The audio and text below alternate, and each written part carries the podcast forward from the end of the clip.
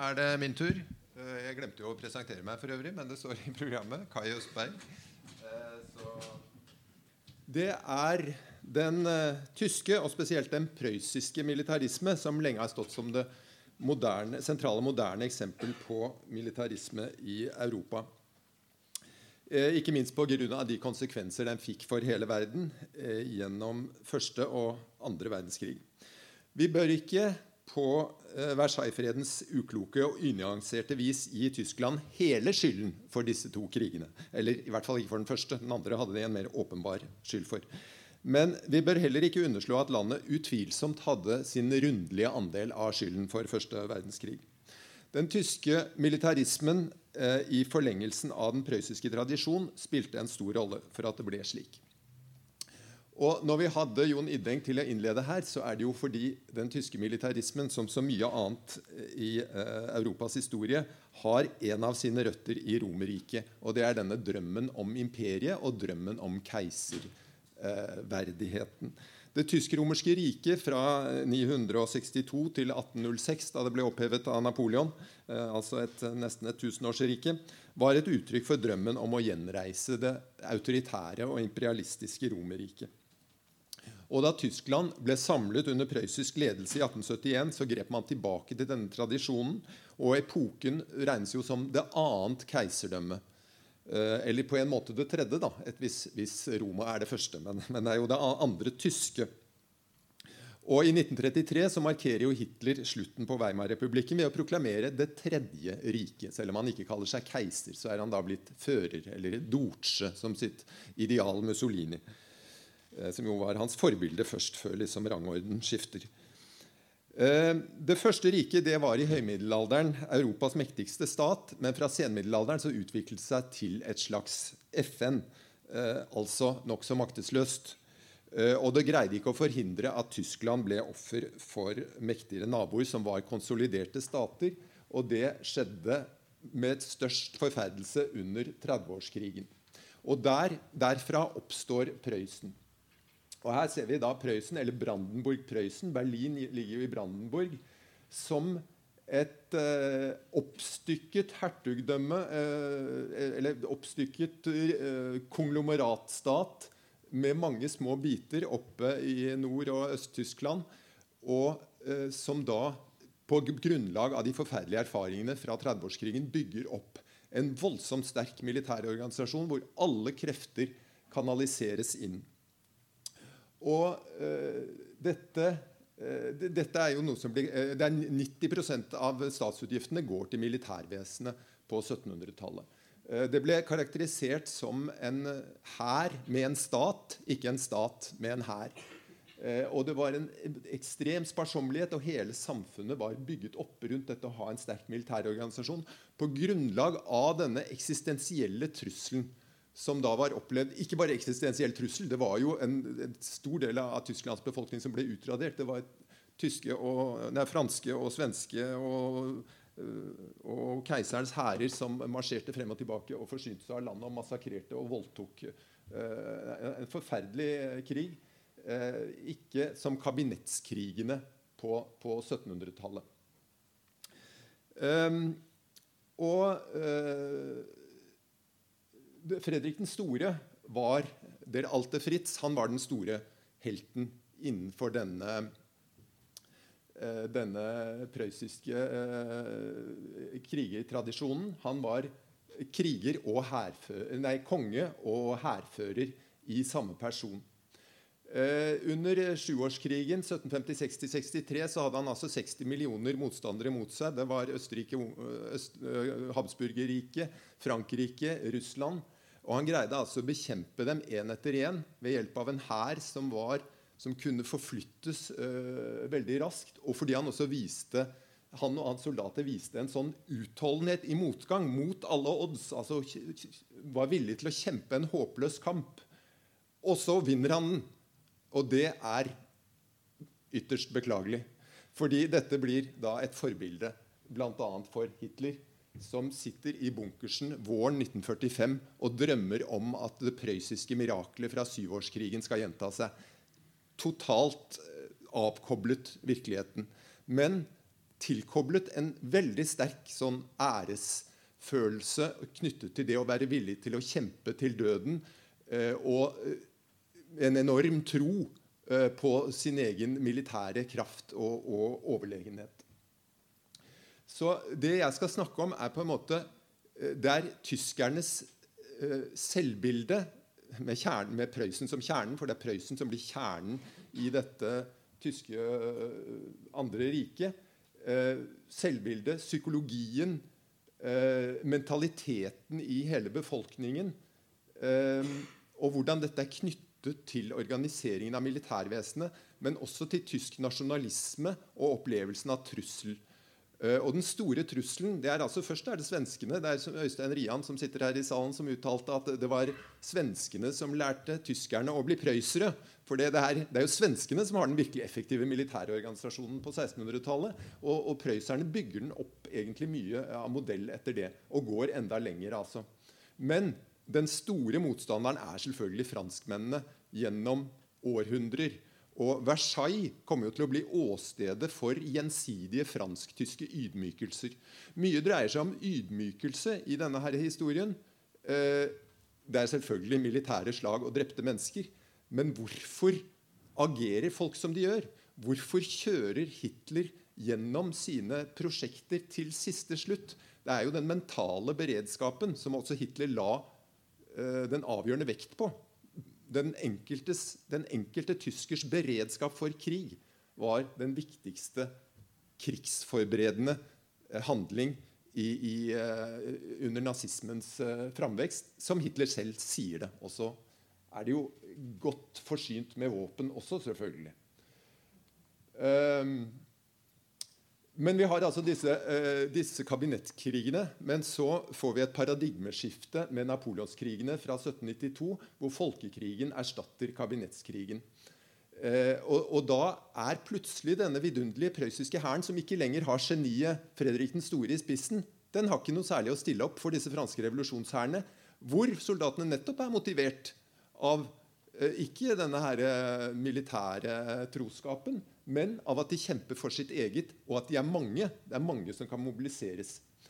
Og Dette blir jo da nok en episode i serien av fransk-tyske ydmykelser, hvor Napoleon valser over dem etter hvert. Altså Først er det jo revolusjonskrigene, så kommer napoleonskrigene. Eh, men, men, Napoleon da for sikkerhets skyld også avvikler hele dette keiserdømmet. Eller presser keiseren til å avvikle det. Så im anfang var Napoleon, sier eh, tyske historikere. Det er, da, eller, det, det er, den tyske nasjonalismens begynnelse, hevdes det. Men eh, det var altså eh, franskmenn før Napoleon som spilte en rolle også. Men det er da liksom virkelig tanken om at Tyskland må samle seg. Litt sånn som Prøysen måtte samle seg og mobilisere, så må nå også hele Tyskland samle seg for å kunne motstå Frankrike. Eh, og da kommer eh, den tyske nasjonalismen for fullt. Eh, men hvordan skal den tyske samlingen skje? Det er det store spørsmålet. Og de får politiske og økonomiske reformer under Friere von Stein fra 1807. Og de bygger opp, Det er også en reform av militærvesenet med et innslag av folkemilits, hvor man altså inspireres av disse fæle franskmennene. De er jo påvirket av ideene både i det politiske og, det, og i det militære. Men denne folkemilitsen den harmonerer ikke så godt med den gamle prøyssiske modellen, som er en profesjonalisert, lettbevegelig hær under aristokratisk dominans. Altså aristokrati, militær, Det prøyssiske militære aristokratiets dominans er viktig. Eh, eh, de liberale tyskerne de ønsker å samle Tyskland på, eh, på, på, på demokratiske premisser og skape et konstitusjonelt monarki. Men øh, og, og det, er da, det, er de som griper initiativet i revolusjonsåret 1848 og arrangerer dette frankfurte parlamentet. Men aristokratiske og militaristiske krefter i Prøysen de liker ikke dette her i det hele tatt. Og, de eh, og det samme gjelder kongen av Prøysen, som blir tilbudt kronen på konstitusjonelle premisser av disse her professorene i professorparlamentet, og som avslår med den Eh, den vidunderlige begrunnelse at han ikke vil plukke en krone opp av rennestenen. Og det er altså at Han vil ikke motta, en, motta kronen på eh, på eh, konstitusjonelle premisser. Um, og reaksjonen kommer i form av at det er den prøyssiske kongen og hans hær og også den senere prøyssiske keiseren Wilhelm 1. er i spissen for noen av disse troppene som knuser 1848-opprøret, sender denne forsamlingen hjem. Eh, og dermed er det slutt på den tyske samlingen ad liberal og demokratisk vei. Eh, men det betyr ikke at ikke de reaksjonære krefter i Prøysen kunne ønske seg en samling, men den skal skje på deres premisser. Og det er som kjent, dette har vi lært på skolen alle sammen, Otto Bismarck som sier samlingen kan komme, men må komme ovenfra på Prøysens militære premisser. Det er ikke taler og majoritetsbeslutninger som kommer til å avgjøre tidens store spørsmål. Det var den store feilen til Frankfurter-parlamentet, sier Bismarck. Disse spørsmål avgjøres ved blod og jern. Og jern både i våpenet og i jernbanene, som brukes militært veldig mye. Og dette lykkes over all forventning. Men nei, vi, må, vi, må, først snakke om hærreformen i 1860-årene. For det, utformingen av hæren har stor betydning.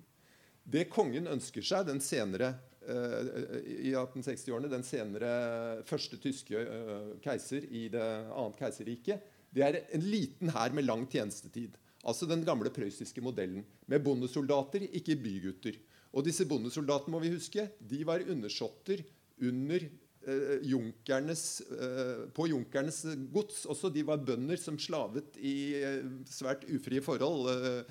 Eh, og, og, og, sånn at de kommanderte de samme personene, eller samme klasse personer hjemme på gården som de gjorde i, i felten. Og, og, sånn skulle det være, for de var mer lett påvirkelige. Bygutter de kunne jo ha plukket opp noen sosialistiske og sosialdemokratiske ideer. Skummelt å gi dem våpen, vanskelig å kommandere dem. Eh, så det er kongens modell. De borgerlige de ønsker en folkehær med kortere tjenestetid, som da ikke så lett kan bli brukt som et middel mot befolkningen selv også. For hæren kan jo bli et redskap å bruke mot, eh, mot befolkningen. Og det er jo nettopp det den er ment for også. Og det er kongen som vinner denne kampen. Den prøyssiske modellen beholdes. Lang tjenestetid, sånn at man får anledning til skikkelig å jernvaske disse bondeguttene. Eh, og sette et militært preg på dem. Så eh, driver Bismarck samlingen igjennom ved hjelp av tre kriger. Blod og jern. Først mot Danmark, så mot Østerrike, og så den skikkelige, grunnleggende europeiske første, eh, altså opptakten til første verdenskrig, nemlig den fransk-tyske krig, som blir en forferdelig krig fordi franskmennene vil ikke gi seg. De jukser på en måte militært. De er jo slått, og så skal de drive og slåss videre og stampe opp nye hærer av jorden. Og det er jo aldeles utidig for Moltke, dette store dansk-norske militære geniet, Eh, som, som, har ledet denne hæren. Han, han, blir så opprørt eh, over at Bismarck skal drive og forhandle med disse folkene. De må jo bare knuses, for det er jo gerilja, bl.a. Så det er virkelig folkekrigen som eh, nok en gang viser seg, men denne gangen som motstandskrig fra franskmennene. Og til slutt så driver de jo dette gjennom etter å ha eh, nedkjempet Pariserkommunen, bl.a., som jo er jo den mest forferdelige eh, venstreorienterte eh, ekstremisme som tenkes kan. Eh, og eh, man bruker da dette ypperlige ydmykelsessted Versailles som åsted for å proklamere det tyske riket. Og legg merke til at på dette bildet som er malt kort tid etter, som er et propagandabilde, men som fremstiller det sånn som det var stort sett, her ser vi Moltke, her er Bismarck, og her oppe har vi kong Wilhelm som blir altså keiser Wilhelm av Det andre riket i 1871. Og det er i speilsalen i Versailles. Eh, og etter dette så får jo hæren en enorm prestisje. Eh, og Helmut von Moltke eh, blir den store helten og leder for generalstaben. og det som skjer også, er at borgerskapet på en måte gir avkall på sin gamle liberalisme og humanisme. For de har på en måte sett at ja, det var det som skulle til. Vi var godtroende idioter. Vi trodde på Kant og Schiller og alt dette her. Og det ble bare prat, og vi, da blir vi bare overkjørt av franskmennene. Det er makt. Det er militær makt som må til, og hæren eh, får, får en enestående prestisje. Og den får ikke bare en enestående prestisje, også konstitusjonelt får den en særstilling gjennom keiserrikets konstitusjon av 1871, som er en flikking eller en tilpassing av det nordtyske riket, og, og hvor altså Prøysen fortsetter å eksistere som en enhet inni her. Men det kan karakteriseres som et militærmonarki. Og det avgjørende er at Riksdagen ikke har kontroll og innsyn med militæret. Eh, det er ikke engang en rikskrigsminister som kunne være ansvarlig for parlamentet. Det er en prøyssisk krigsminister, og den prøyssiske hæren er klart den viktigste. Det er ikke egentlig en rikshær. Men, men, men, i keiserens hånd så samles likevel alle trådene.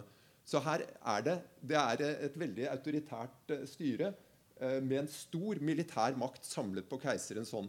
Så hvem som er keiser, er faktisk ganske avgjørende. Og Wilhelm 1. han er ille nok. Eh, men han har eh, Bismarck ved sin side, som modererer ham og er den reelle styrer.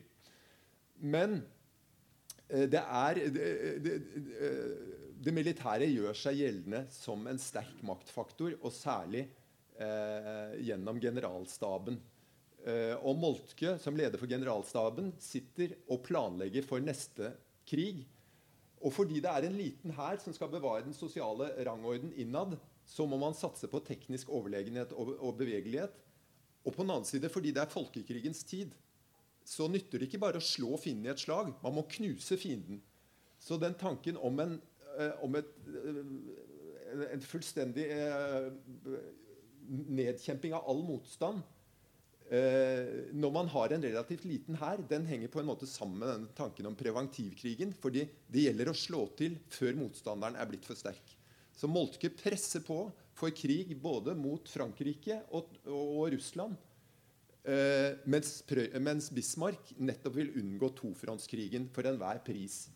Men det som skjer med Schlieffen-planen i 1914, er kort fortalt egentlig eh, at tanken er at tofrontskrigen den kan vinnes og, og, det er egentlig også preventivkrigen som ligger der inne. Dette kan diskuteres opp og i mente av folk som er mye mer greie på første verdenskrig enn meg, men allikevel, sånn i kortform i denne sammenheng, så, så kan det være poenget. Altså Schlieffen-planen er den som blir satt i verk ved utbruddet av første verdenskrig, hvor de da går gjennom Belgia, skal først ta franskmennene, så kjøre, knuse dem i løpet av noen uker, så fort av gårde til østfronten med tog og, og knuse russerne. Og da har man liksom vunnet tofrontskrigen ved å utkjempe den sånn konsekutivt og ikke simultant, så å si. Men det slår jo feil, som kjent. Så her har vi da eh, keiserriket Prøysen. Eh, og grunnen til at jeg viser dette bildet, er at vi kan innbille oss at dette er en mektig, eh, konsolidert nasjonalstat. Men dette er en forbundsstat fortsatt. Det er en konglomeratstat med Prøysen som den helt dominerende makt, og som setter sitt preg på det hele, med hæren og med keiseren, som også er konge i Prøysen. Eh, men, men, en grunn til å vise det altså Hvis man hadde vist et bilde av Tyskland fra middelalderen så ville, Det er jo sånn mareritt fra skoleatlasenes tid. ikke sant? Det er tusenvis av bitte små sånne greier som ingen husker. Med sånne Münchhausen-små uh, fyrstedømmer. Men det er ganske mye forskjellige her også. Og det er jo den der følelsen av at den tyske samling er ufullbyrdet. Vi har ikke på en måte eh, blitt ordentlig en nasjon ennå. Vi er for splittet. Det er det som har plaget oss før. Og dermed så er, kommer denne viljen til å underkaste seg en sterk leder, underkaste seg en sterk militærmakt. Gehorsamkeit. Det er militær lydighet er det ene, men det er også det nasjonale samholdet som virker på en måte eh, som er så overspent ut fra tidligere tiders traumer at, at, eh, det, eh, at det driver en i, i autoritær retning. Um, ja, dette var vel noe av det jeg sa. Uh, og denne prestisjen til, um, til uh, hæren den gjør at løytnanten, den tyske løytnanten er liksom den sosiale gud. Uh, mens reserveoffiserene fra borgerskapet de er så å si halvguder. da. men den den militære prestisjen avspeiles jo bl.a. i rangorden ved kongens bord, hvor da en prøyssisk løytnant sitter nærmere kongen eller keiseren enn det en professor eller nobelprisvinner eller politiker gjør. Um, og, og, det, og, denne militære holdning utbrer seg på en måte i hele samfunnet. I, i ganglaget og utseendet og det å liksom være strunk og stram og bruke kommandotonen. det blir på en måte en del av tysk identitet, sånn som det utbres. Og dette er en aristokratisk eh, orden, egentlig, i utgangspunktet. Militæraristokratiet som setter sitt preg på samfunnet. Og det er jo også de som dominerer toppen her. Og adelen er jo en krigerstand, som kjent. Um, men, men det som, der borgerskapet oppgir på en måte sin gamle identitet og lar seg og omfavner denne militaristiske, aristokratiske identiteten. Og denne Sosialiseringen den skjer gjennom reserveoffiserordningen, hvor de kan få en smak av Hæren. Og så går de ut i det sivile og tar med seg disse holdningene. Og utgjør da en, en militær reserve. Og det er en sosialisering til voldsbruk, hardhet og utholdenhet inntil døden, jf. Fredrik den store. Eh, og som, også, eh, som, vi også kan se i disse duelltradisjonene det, som hæren dyrker. Eh, det er jo en måte å forsvare den aristokratiske ære på. Krigeræren. Og denne æren er, blir jo så viktig senere også. fordi æren er så viktig at døden er langt bedre enn ærestap. Og det overføres jo i Hitlers bilde på hele nasjonen. Altså Hvis nasjonen ikke kan seire, så trenger den ikke å leve. Akkurat som den enkelte duellant som ikke seirer. Han, eh, han kan like godt dø. Um, og, og de, disse, disse, duellene de er jo for godkjentstempel fra høyeste hold. Så Det er jo et, liksom et eksempel på brudd på, på at de, uh, aristokratiet er fritatt for voldsmonopolet. Um, men vi snakker også om, om en dobbelt militarisme.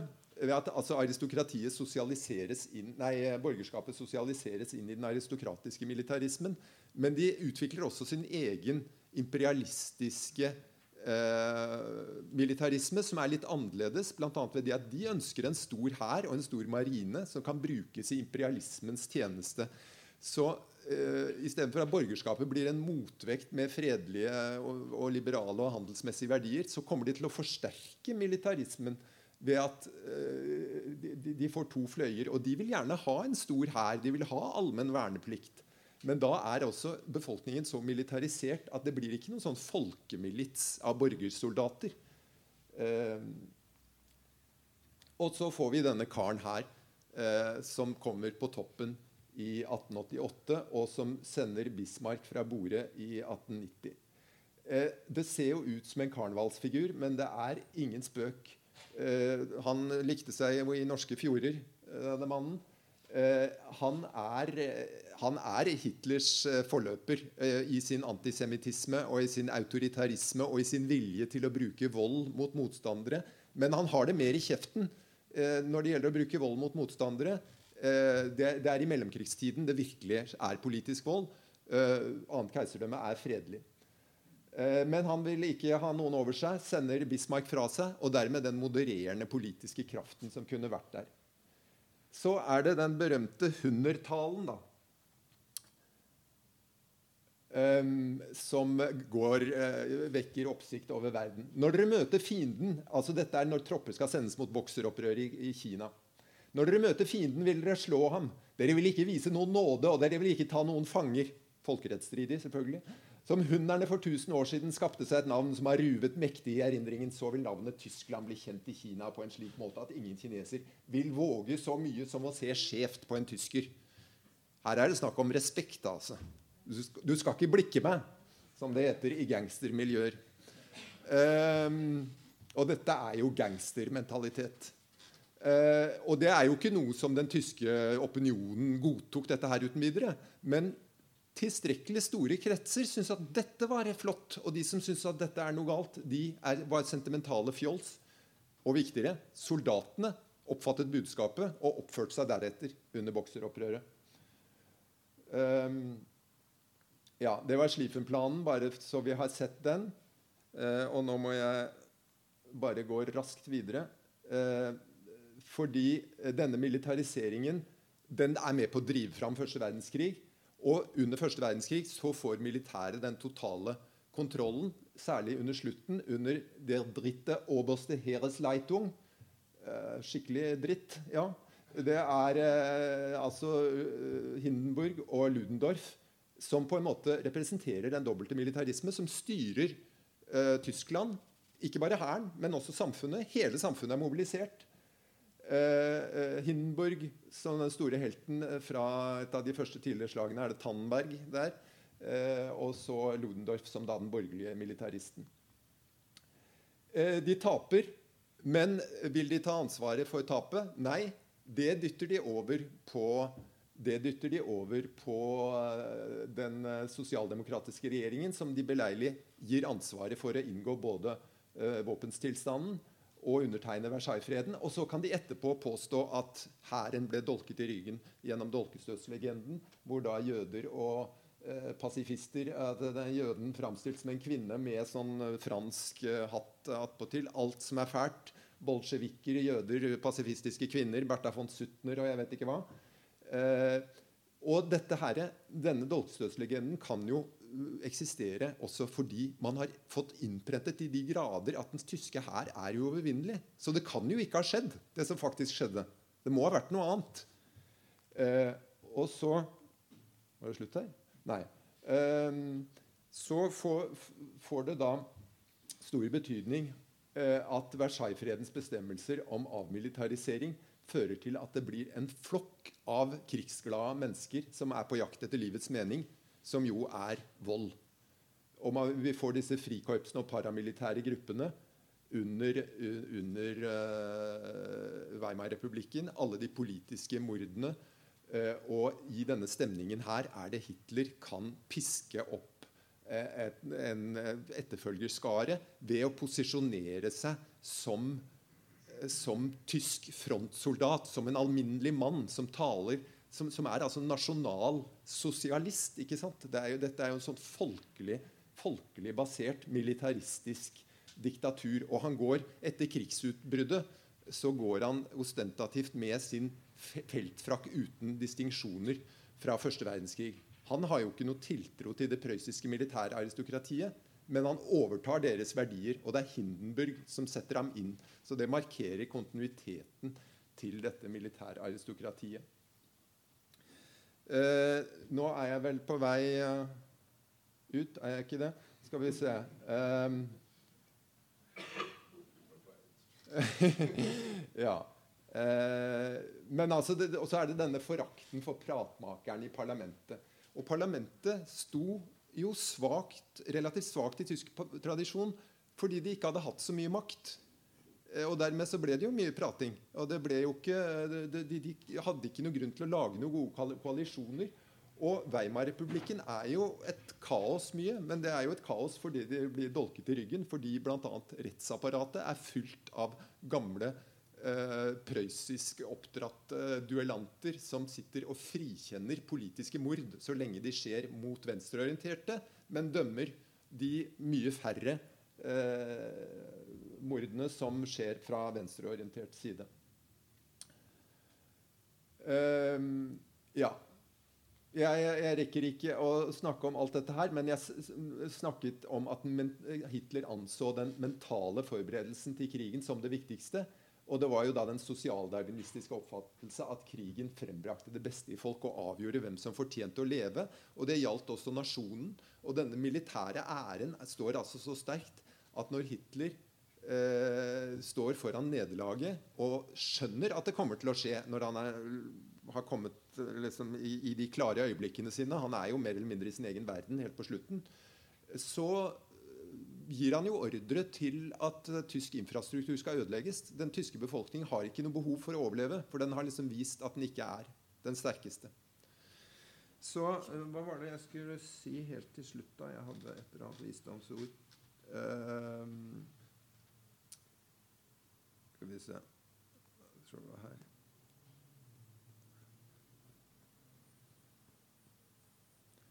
Ja, den tyske militarismen den har altså utspring i eksistensiell trussel og ydmykelser på 1600-tallet. kan vi si, eh, Og nødvendigheten av å underkaste seg en sterk leder og utvise hardhet for å oppnå og bevare den nasjonale enhet. Samtidig så gir dette en aristokratisk følelse av overlegenhet når de da begynner å vinne. Eh, og denne overlegenheten den demokratiseres jo på en måte med Hitler. Eh, og, og, hele det tyske folk er nå overlegent, men må demonstrere det gjennom en uopphørlig kamp og gjennom underkastelse under lederen. Ja. Takk for meg.